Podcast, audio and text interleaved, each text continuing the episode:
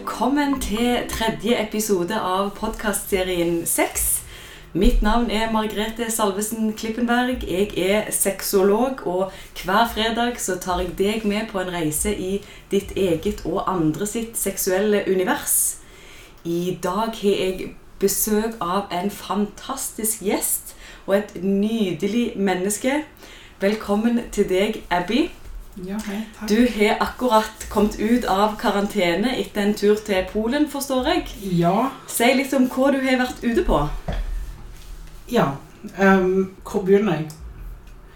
Vi var i meg og en venn her i Fregersund var i Polen.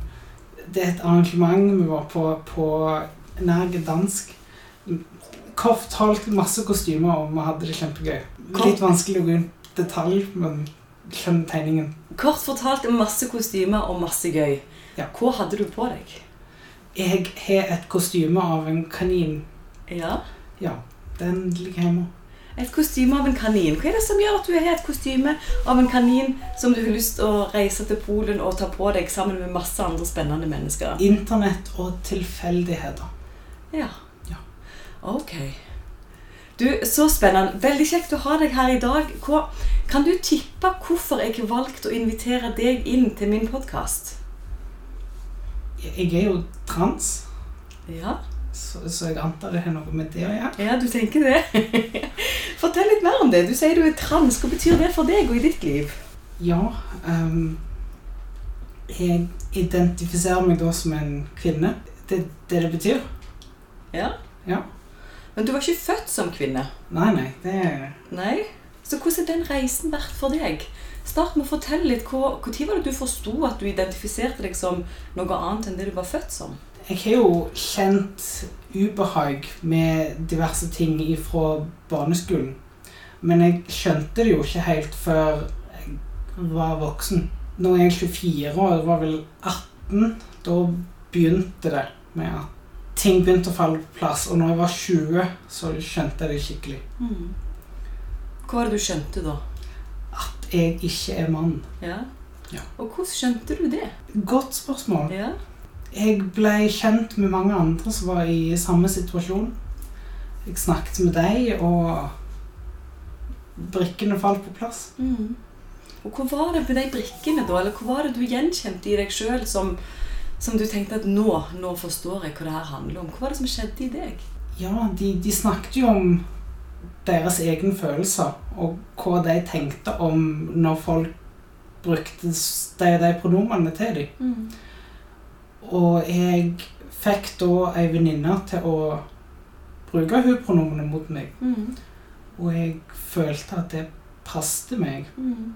Jeg likte ikke når feil pronomen ble brukt. Mm. Selvfølgelig, før jeg ble komfortabel med, tok det litt tid, men brikkene falt på plass da. Ja. Og hva gjorde det med di, ditt liv etter du følte at brikkene falt på plass? Jeg var ganske rask med å søke om å få bytte juridisk kjønn da. Mm. Ny lov hadde jo nettopp kommet om at vi bare kunne søke om det, og så fikk vi det. Mm. Bytta jeg jo juridisk navn da, så alt det kom i boks. Og henvisningene til, til Rikshospitalet hadde jo blitt sendt før, så de ble godkjent noen måneder etterpå, og så fikk jeg time der. Mm. Så alt falt liksom på plass Mm. noen måneder etter det. Ja, for Hva er det som er din plan videre nå i forhold til det med kjønn? Altså, Hva, hva tenker du, hva ser du for deg framover? Nå så Jeg skal veldig snart begynne med hormoner. Jeg har fått de antitestosteronpillene. Og så veldig snart skal få østrogen. Jeg tror det er sånn plaster jeg skal få. Mm. Veldig snart. Og så går jeg også til logoped Ja. for å få stemmen mer feminin. Mhm. Og så tror jeg det er laser til å fjerne ansikts- og overkroppshår. Mhm. Så det blir, det blir bra. Nå blir det jo litt utsatt med koronagreiene, men Ja. det skjer iallfall. Det skjer, det er ting på gang. Ja. Og Hvordan er det Hvordan er det å gå gjennom alle disse prosessene for å forandre på noe? Nå, nå har jeg jo gått til Rikshospitalet så skikkelig lenge for å komme her til. Og så Jeg tror det varte fire år, og så plutselig gikk det gjennom, og jeg er her. Og så Det skjedde litt fort plutselig. Mm. Det føles veldig bra, men det er veldig uvant. Ja. Ja. Og hva er det med det som gjør at det blir uvant for deg? Hva er det du føler på? Jeg har alltid hatt denne stemmen. Jeg har jo lyst til å endre på den, men jeg har alltid hatt stemmen min som jeg har nå. Mm. Jeg Jeg har alltid hatt kroppen min som jeg har nå. Det blir jo godt å forandre på ting, Mm. men jeg hadde ikke helt satt inn, meg inn i hvor fort det kom til å gå. Mm.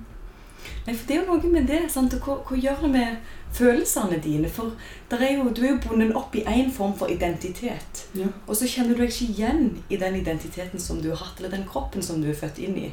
Og så skal du forandre det.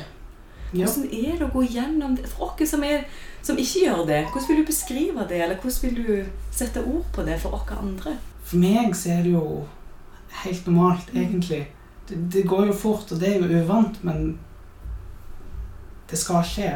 For andre så Jeg endrer jo på dette for å få en kropp jeg føler meg komfortabel med. Så det blir jo ikke samme ting for noen som har en kropp de er komfortabel med.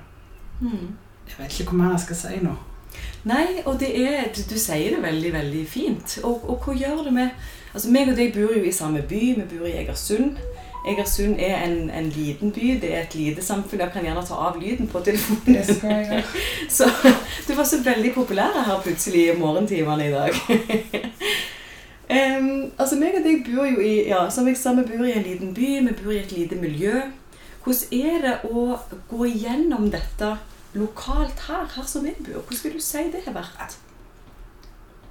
Mange beskriver det som at små byer, da da er ikke folk så veldig åpne om det her. Spesielt en by som Egersund, med alle de her kirkene.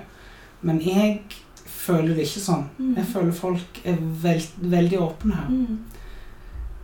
Jeg kjenner ingen som har sagt noe negativt herifra, for å si det sånn. Wow, det er så fint å høre. Jeg tror, jeg bare lyst til å si takk til Egersund for det som en innledning her. Fordi at det er så varmt å høre at du sier det på den måten. Hva er det folk møter deg med da? Eller hva er det folk sier til deg? Folk jeg ikke kjenner de, Jeg vet ikke om de kan se det eller ikke, men de kommenterer ingenting.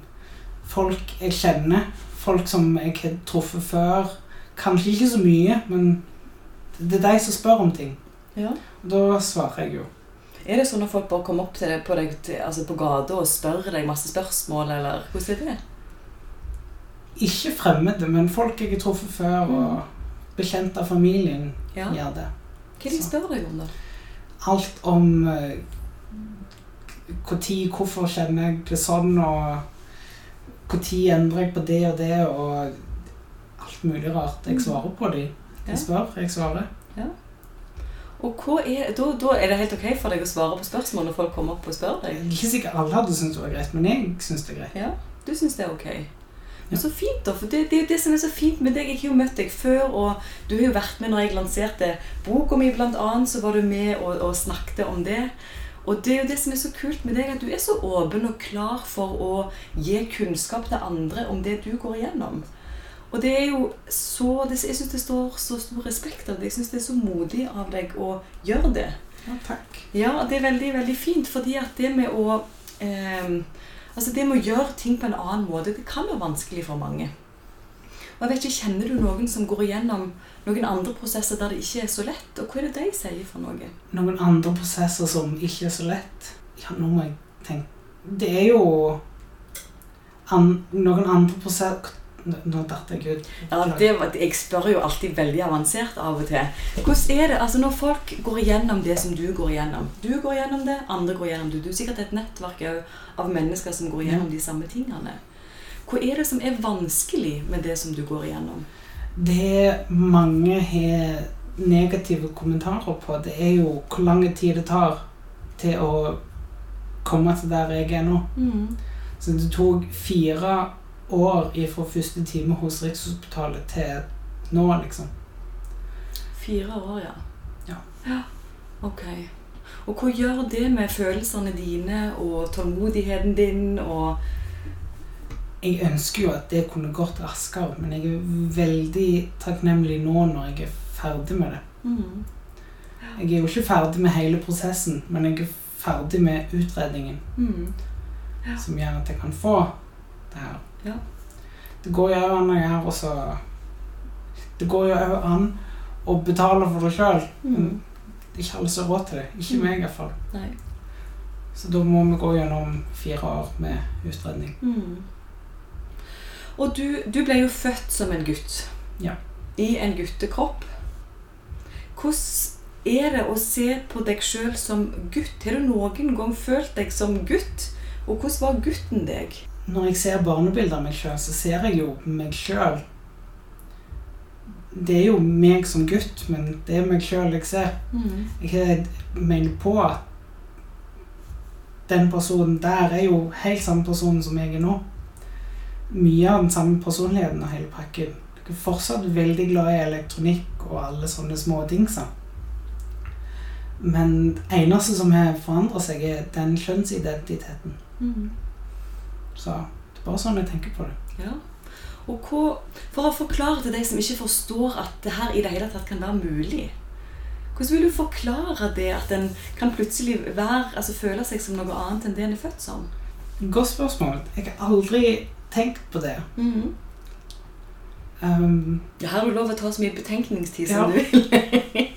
Det er store spørsmål en skal drøfte i dag. Store eksistensielle spørsmål om din identitet og hvem du er som menneske. Og det er jo det, det vi går inn i i dag. ja, hvordan kan jeg forklare det til folk som ikke forstår at en kan bytte kjønn, liksom? Mhm. Jeg, jeg husker måten du forklarte det på, altså. Du forklarte det på noen måter sjøl. Um, veldig godt spørsmål. Jeg, jeg kommer ikke med noe svar. Nei, vet du, Da kan vi komme tilbake igjen til det spørsmålet Ja. senere.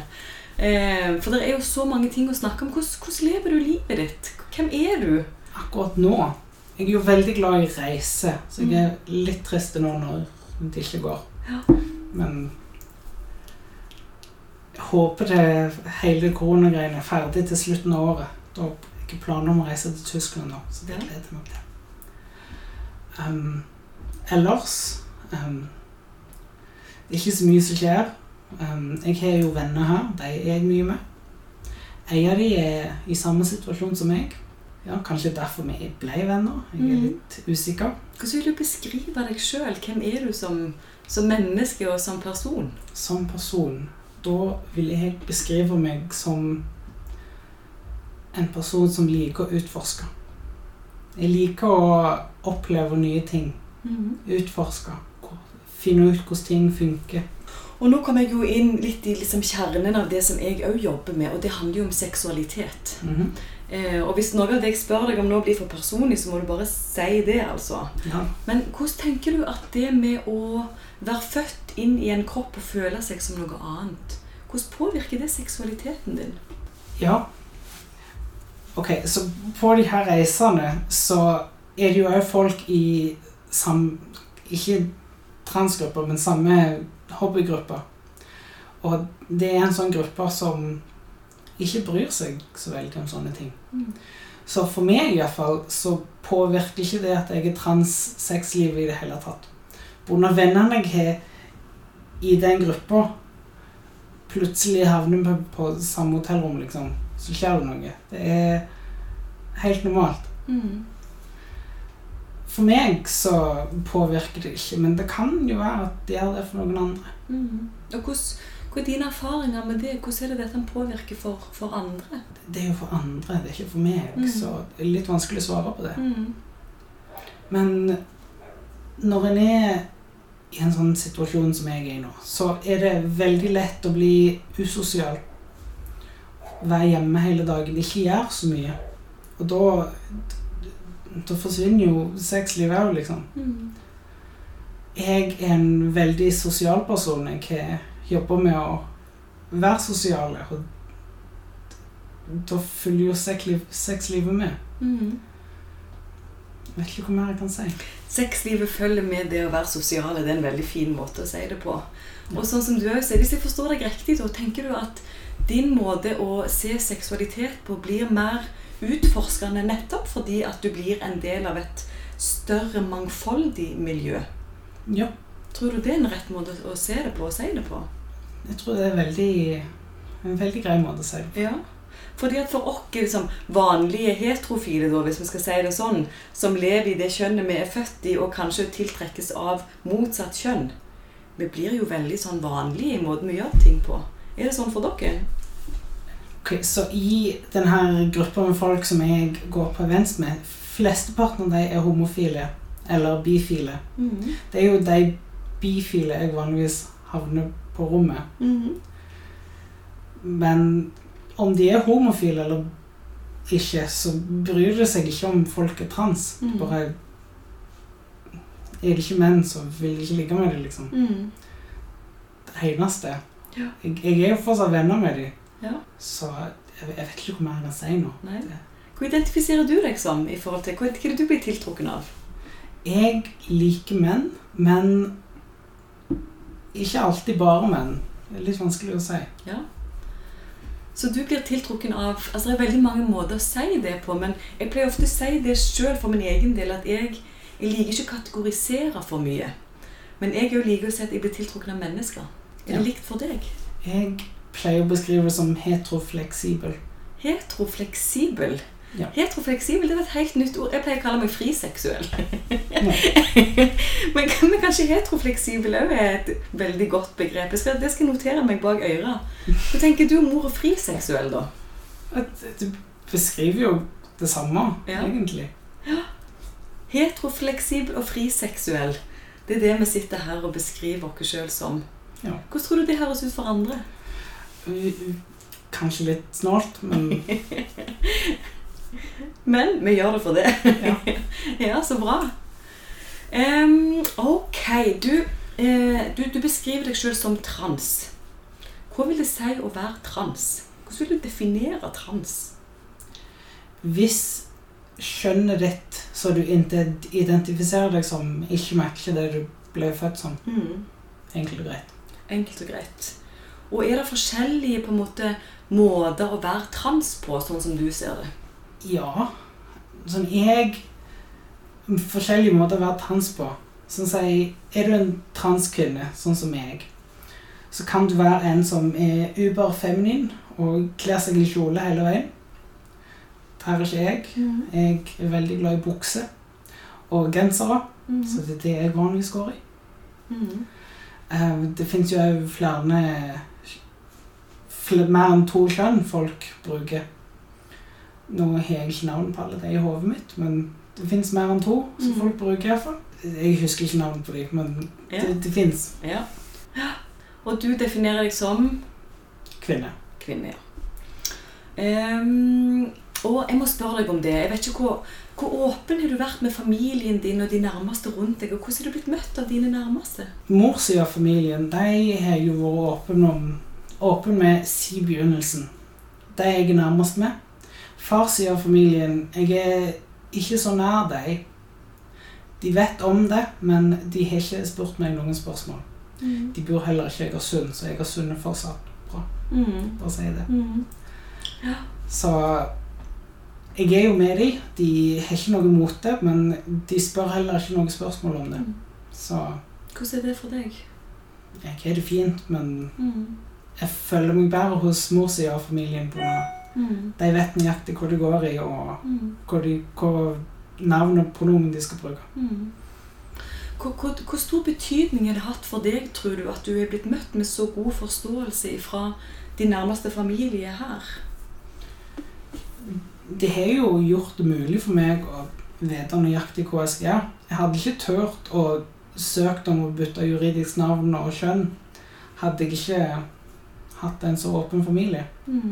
Og hvordan, tror du det er da? Jeg, jeg kjenner jo mange, jeg har jobbet med dette ganske lenge, og jeg kjenner veldig mange som ikke har det sånn i forhold til sin nærmeste familie, der det ikke Ja. blir akseptert, faktisk. Hvordan tror du det må være å vokse opp med å ikke bli akseptert for det som du sjøl ønsker å velge å være? Det høres veldig tungt ut. Jeg er veldig glad for at jeg ikke er en av dem, Mm. for å si det sånn. Det er så, jeg er så glad for å høre det. Jeg er så glad for at du på en måte bare kan være deg sjøl sammen med familien din og i byen din. Det vil jo gjøre det òg mye lettere for deg å finne den identiteten som du nå skal ha framover. For Det er jo sikkert en reise, det òg, å finne litt ut av det på veien. Det er ikke noen som bare kommer til deg sånn med en gang, er det det? Nei, det tok jo ganske lang tid før jeg fant alle brikkene, liksom. Mhm. Det var en omgang, og det tok en stund før alle var på plass. Ja. For hva navn var det du, du ble født inn i? Hva navn var det du fikk når du ble født? Jeg liker ikke å bruke det navnet. Ok. Nei. Nei, men Da trenger jeg ikke spørre om det. Nei. Men du valgte jo å ta et annet navn. Ja. Hvordan fant du fram til akkurat det navnet? Så lang historie kort Jeg hadde, eller jeg har den fortsatt, den, en karakter Det er den kaninen jeg nevnte. Ja. Um, som da heter Ebbe. Mhm. Som betyr et eller annet om sjøen. Jeg er litt usikker. Men Mhm. så bare ble det Abbey. Enkelt og greit. Fin måte å liksom bare velge ut et navn på. Ja. Så da ble det Abbey, og da valgte du det ut fra den kaninen Ebbe som du da velger å reise til Polen, var det det? Ja. Og kle deg ut som. Ja. Så blir det en slags karakter, da, eller en, en karakter du lever deg inn i? Det er jo et fullt kostyme, så når jeg er på meg det her med levende teppe, kan jeg beskrive det som, Ja. så jeg blir jo den kaninen, da. det er kjempegøy. ja. Det er ikke normalt, men det er kjempegøy. Det er ikke normalt, men det er kjempegøy. Og det er jo ofte det at det som ikke er helt normalt, det blir ofte veldig kjempegøy. Ja. Så jeg tror egentlig at flere av dere burde kledd dere litt mer opp og gjort ting som ikke var normalt, sånn at vi kunne hatt det litt mer gøy. Ja. Skal vi ikke bare si det sånn? Det hadde vært fantastisk. Ja. Du, eh, hvis du nå skulle ha vært i en rolle der du hadde gitt råd til andre som var i samme situasjon som deg, hvor råd ville du gitt til andre? Ja. I samme situasjon som meg, mener du da i begynnelsen, uten at de er helt lett hvor det Ja. Ja. Så for eksempel start der.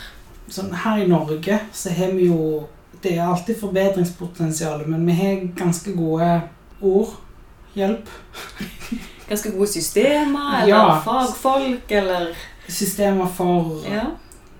transfolk generelt. Mm. Vi kan bytte juridisk kjønn uten å ha hatt noe kirurg, kirurgi, liksom. Mm. Så det er en ting jeg hadde gjort. Mm. Jeg, jeg gjorde det ganske tidlig, og jeg, hvis andre kan, så vil jeg anbefale dem å gjøre det. Mm. Og så er det òg å få henvisning til Rikshospitalet, så de kan få behandling. Mm. Du kommer til der jeg er nå. Ja. Ja. Ok, så det er de rådene du vil gi. Det med bytting av Ja. juridisk kjønn. Alt det med familie og sånne ting. Min familie er jo veldig støttende, så jeg vet ikke om jeg har så mange tips der. Nei. Men hva, fordi at jeg regner jo med at det her har vært en prosess der du selvfølgelig har vært usikker. Og tenkt Mm. masse tanker som hva kan det her være for noe? Hvordan vil du si de tankene vært, og husker du de tankene som leder fram til der du er i dag? Ja. Så jeg har jo en del andre sykdommer, annet type 1 diabetes. Og hva det gjør, er at det blir høyere risiko for ting og tang Husker ikke alt, men ting og tang iallfall. Under kirurgi. Så kirurgi nedentil er noe jeg mest sannsynlig ikke kommer til å gjøre. Jeg velger det vekk sjøl for å beholde helsa mi, rett og slett. Mm. Mm. Men hormoner og laser og logoped, alt det her, det, det får jeg jo fortsatt. Så det, det blir jeg fornøyd med. Og så legger jeg merke til at du, du kaller ditt eget kjønn for nedentil. Ja. Er det et ord som du bruker? Er du komfortabel med å bruke andre begrep? Har du valgt deg noen ord? Med venner så kaller jeg det jo kuken. Ja. Men her litt mer formelt. Ja. Litt mer formelt så kaller du nedentil. Ja. ja. Jeg er jo ikke så opptatt av at det må være så formelt. Selv om jeg kan virke litt formell av og til. Så da kaller du det kuken. Jeg vet at mange er forsiktige med å kalle det det, men Ja. jeg er ikke der. Nei, for det er jo òg et spørsmål, syns jeg. For når du da identifiserer deg som kvinne, Ja. og har en kuk som du kommer sannsynligvis til å beholde, Ja. hvordan føles det? For meg jeg, jeg skulle jo hatt andre deler, men for meg så kjennes det òg greit. Mm. Ja.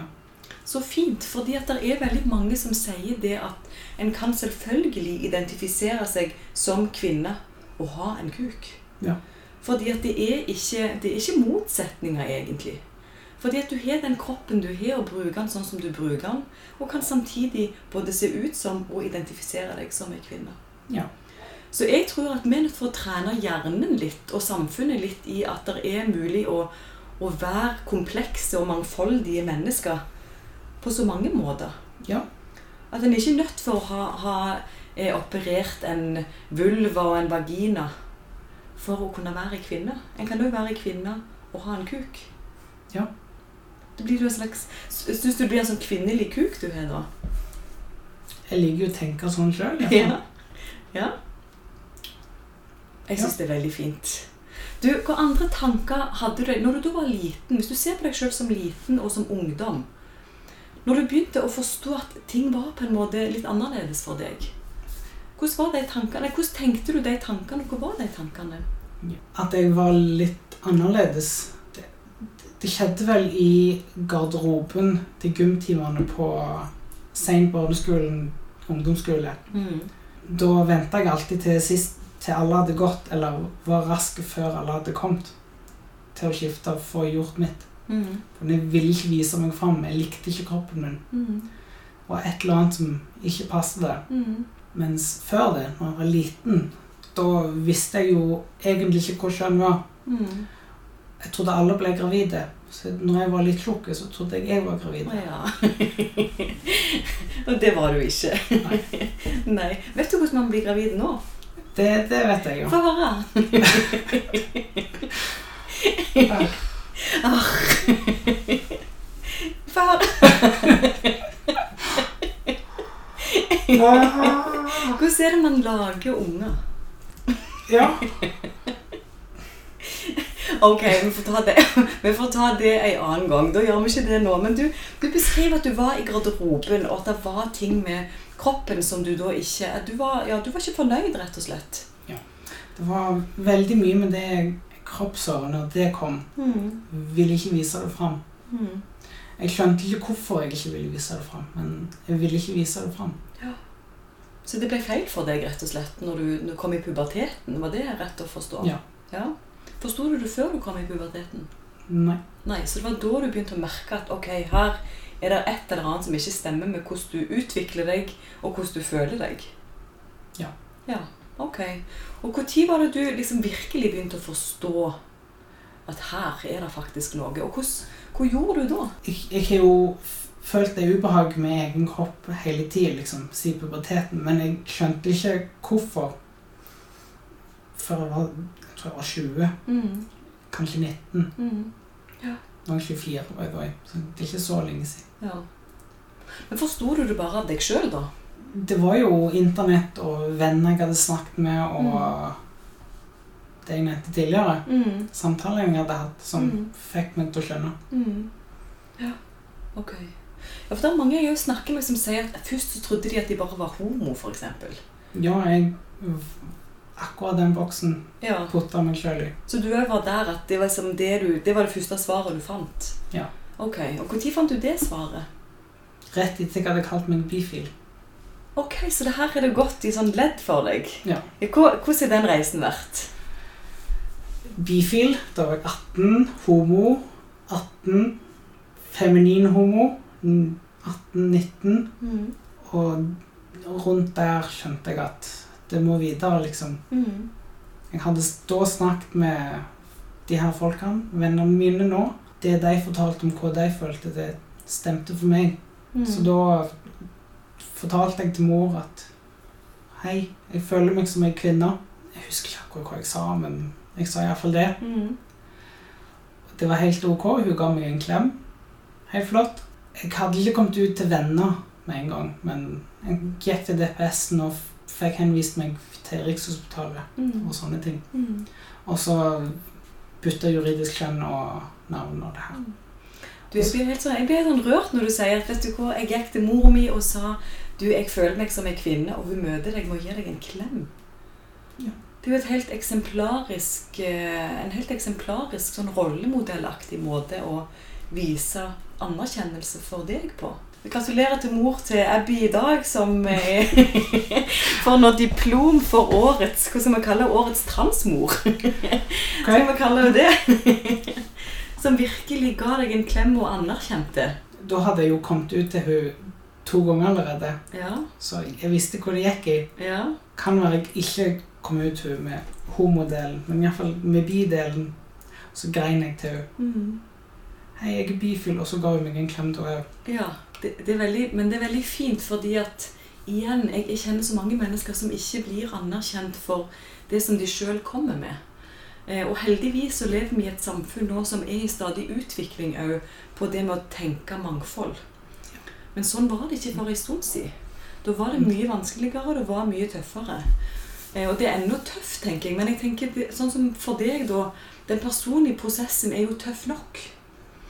Så tenk da hvis du da skulle ha blitt møtt med, med masse fordommer og mobbing og stigma og et system som ikke forsto.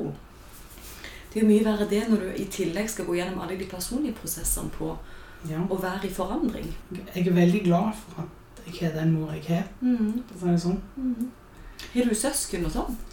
Jeg har en bror som bor i Oslo nå, som er homofil, så Som mamma får ikke barn barnebarn. Hun kan jo det. Ja, ja. Det er mange måter å få barnebarn på. Jeg er jo to halvsøstre og ei stesøster. Ja. Ja, så vi er ganske mange. Ja. Hvor, hvor er søsknene dine? Hva er, er deres syn på, på deg og det du går igjennom? Ja, broren min, han er helt normalt, liksom. Til, jeg er meg. Ok, flott. Søstrene mine de er fortsatt ganske unge. De er jo en del av farsfamilien, og jeg har ikke vært like åpen med dem. Mm. Så de vet det, de har meg på Facebook og alt det her, men jeg har ikke fortalt det til dem. Men jeg er ganske sikker på at de vet det. Ja. De vet det, men dere har ikke snakket om det. Det har ikke vært en, en dialog mellom dere. Du, hva, hva ser du for deg livet framover? Hva er drømmene dine? Hva er målene dine? Hva, hva er det du drømmer om? Hva jeg drømmer om? Ja. Flere av de her kostymene. Mer penger til å reise rundt med. Mer av det jeg allerede har, egentlig. Ja. Så du, du er i en god flyt, rett og slett, og du vil bare bygge på ifra der du er nå. Ja. Og da må jeg spørre deg, hva, hva syns du er elementer og viktige elementer i det å ha en trygg og god seksualitet? En trygg og god seksualitet. Da må det jo være For meg handler det jo først og fremst om det med å virkelig være komfortabel i meg sjøl og i min egen kropp. Ja. Der starter det ofte for meg. Ja, du må jo være komfortabel. Selvfølgelig. Og kanskje òg viktig er at de du er med, må akseptere deg. Mm. Familien min er den brikka for meg. Mm. Og vennene. Mm. Veldig fornøyd med det. Så aksept er en viktig brikke for deg i det å ha Ja. en, en god seksualitet. Og hva er liksom da ingrediensene for deg i et godt sexliv? Godt spørsmål. Jeg har mange gode spørsmål, jeg. Ja. Et godt sexliv. Så akkurat nå så er det jo mest av de her vennene jeg treffer når jeg er ute på tur. Det er ikke så mange herifra, så det, da blir det jo mest one night stands. Og godt sexliv med one night stands er kanskje litt vanskelig å beskrive. Ja, Jeg har det gøy iallfall. Det er viktig. Så det å ha det gøy er da en viktig ingrediens for deg i et sexliv som er preget av mye one night stands. Ja. ja?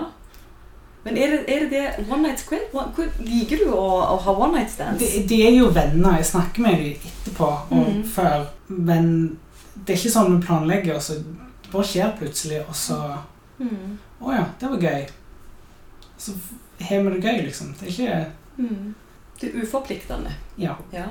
Drømmer du om noe mer forpliktende, eller liker du best når ting er litt gøy og litt tilfeldig? Og... Jeg har ikke jeg, ehm, jeg har ikke tenkt særlig over det. Singel nå. Jeg tenker jo Hvis noen kommer, så flott. Men det er ikke viktig, liksom. Mm. Du trives jo godt alene. Ja. ja. Tror du at vi mennesker er skapt for å være monogame? Nei. Nei. Det sa du nei veldig bestemt til. Ja. Hvorfor tror du ikke det?